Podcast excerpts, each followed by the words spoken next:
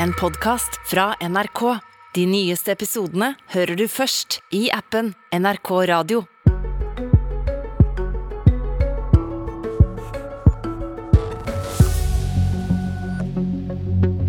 Agathe Brautaseth Våge. Jusstudent og avtroppende nestleder i Sosialistisk Ungdom. For å snakke med en student har vi sett oss utendørs på balkongen til en kafé på studentbyen Kringsjå i Oslo. Blant blokkene der de unge håpefulle bor. Alder? 24. Tiden flyr. På den varme asfalten under balkongen parkerer en søppelbil for å tømme glasscontaineren. Fangsten er god. Au.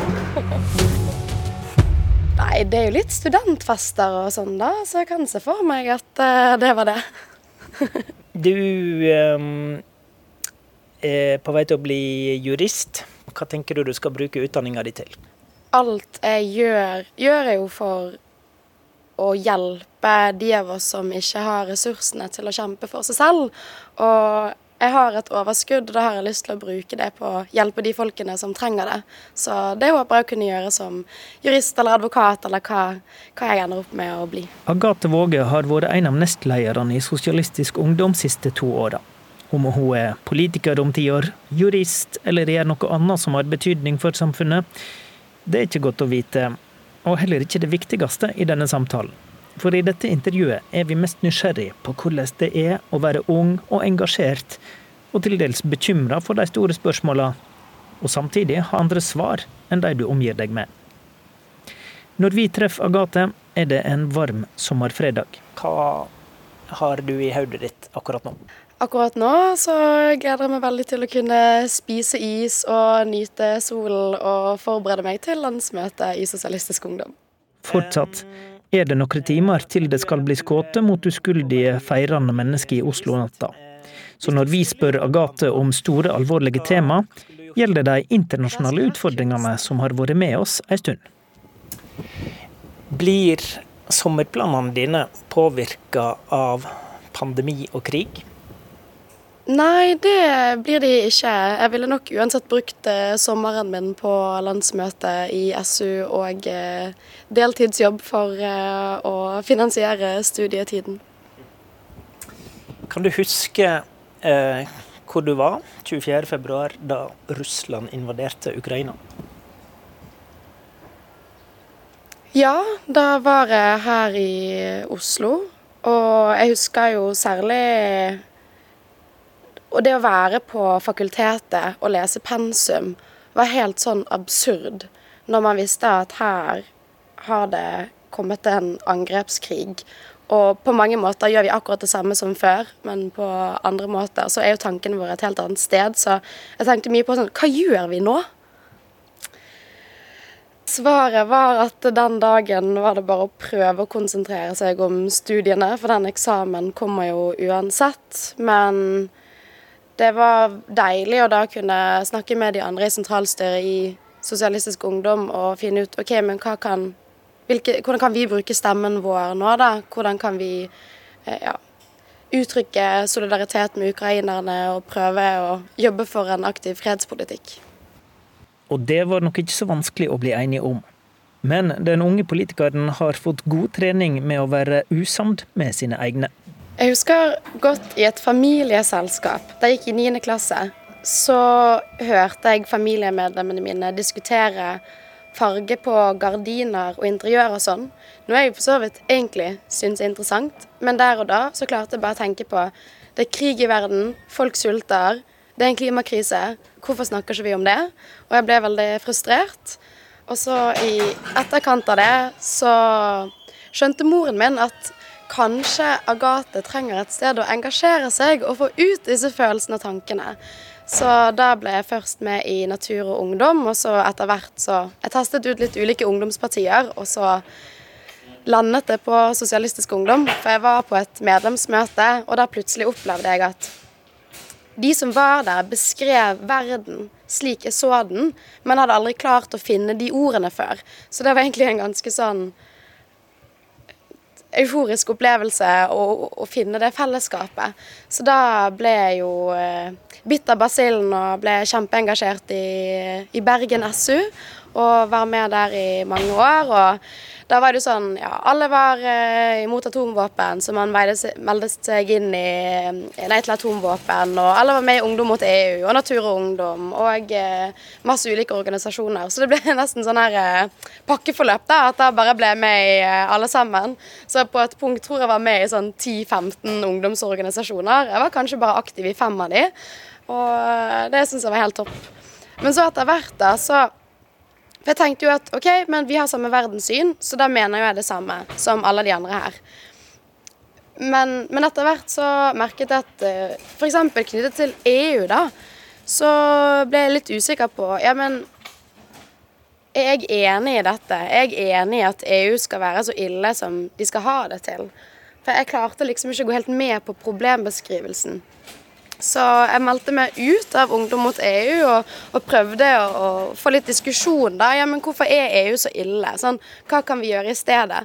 Og, og et av de svarene jeg fikk, var sånn Nei, vi må skrinlegge det dødfødte prosjektet. Og jeg tenkte hæ? Det her, kan, det her kan man jo ikke mene, liksom. Det her blir jo helt feil. Så nei, da skjønte jeg at det var ikke enig i EU-politikken. Jeg syns ikke at de spørsmålene jeg stilte, ga gode gode svar, f.eks. Ja, men er det liksom demokratisk fallitt? Nei, det er det kanskje ikke. Og etter hvert så gjorde jo EU veldig mye bra på, på klima. sant? Og bare her, Men vi er jo kjempeopptatt av å løse klimakrisen. Her går jo EU lenger enn det vi gjør i Norge. Det er helt fantastisk. Det må vi jo støtte opp om. Og så er det jo det at sånn, Facebook og Google eksisterte jo ikke i 94, da man hadde den siste folkeavstemningen. Så mye av den tradisjonelle EU-motstanden er jo tuftet på ideen om hva, hva, verden var, men ikke hva verden er i dag. Så derfor syns jeg det er viktig at vi kan gå inn i den diskusjonen, for verden har forandret seg. Hvor lang tid gikk det fra du liksom eh, ble, eh, gikk inn og tok hele pakka, som du sier, da, og til du begynte å stille spørsmål? Nei, pakkeforløpet det var helt i starten, eh, så det var vel i 9. eller 10. klasse.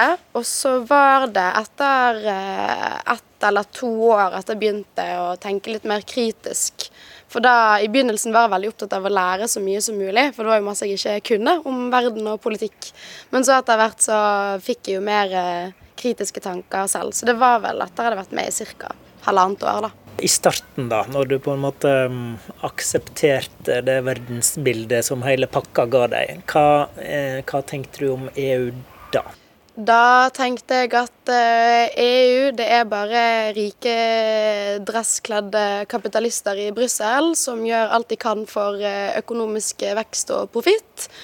Og det er en dårlig måte å styre verden på, syns jeg.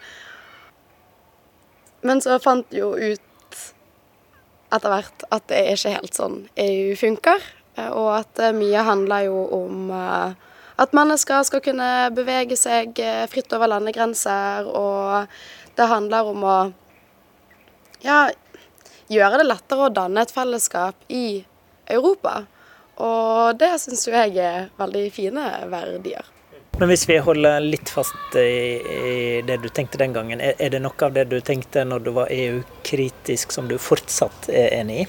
Det er jo helt riktig at EU er en eh, økonomisk union der målet er, er økonomisk vekst. Det er jo et uttrykk for kapitalismen i dag, men omtrent hele verden er jo kapitalistisk, sant. Så selv om jeg er sosialist og vil jobbe for en sosialistisk verden, så må vi også forholde oss til det systemet vi lever i, og heller prøve å sakte, men sikkert forandre det. Så rett og slett regulere det så mye som mulig, sånn at vi eh, får en mer rettferdig verden, da. Men hva var det som endra deg, da? Var det verden som endra seg, eller var det EU som endra seg, eller var det du som endra deg? Det var en kombinasjon, fordi EU har jo også utviklet seg. Det er særlig arbeidet med Green New Deal om å gjøre unionen utslippsfri. Um, det er jo kjempeviktig, fordi klimakrisen er jo den største utfordringen vi står overfor akkurat nå. Hvis vi ikke klarer å løse den, så går verden til helvete. Da brenner skogene våre ned, dyreartene dør ut.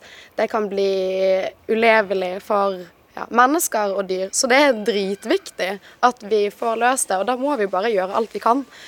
Så da må jo vi heller gå inn i EU å være med på på å finne løsningene. Men hvis eh, de som ikke vil dit du vil i klimapolitikken, får makta i EU, da, er EU bra da? Det blir jo også litt som å si at eh, hvis man velger inn masse folk på Stortinget som eh, ikke vil gjøre nok for eh, klimapolitikken, er Stortinget bra da? og det er jo realiteten i dag at eh, flertallet på Stortinget har ikke en god nok klimapolitikk. Så det handler jo om flertallet og ikke institusjonen, kan man si. SV står i mange vanskelige diskusjoner om utenrikspolitikk. Partiet var delt da de støtta våpenleveranser til Ukraina. Agathe var for. Nå drøfter partiet Nato-standpunktet sitt. Hun mener Nato gjør mye drøyt, men ser ikke noe alternativ til medlemskap nå. Det er EU-standpunktet hennes som skiller seg mest ut. Men hun ser ikke noe stort problem med å skilje seg ut. Nei, det går helt fint, det. Jeg vet jo at det er veldig mange i SV som er enige.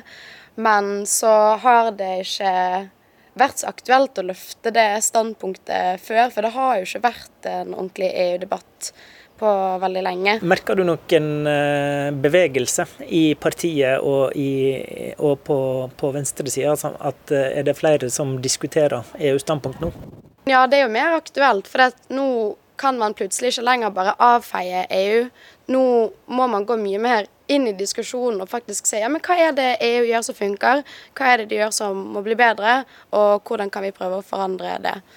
Så ja, jeg opplever at det er mer diskusjon om det nå. Opplever du at folk er på vei fra nei til ja? da?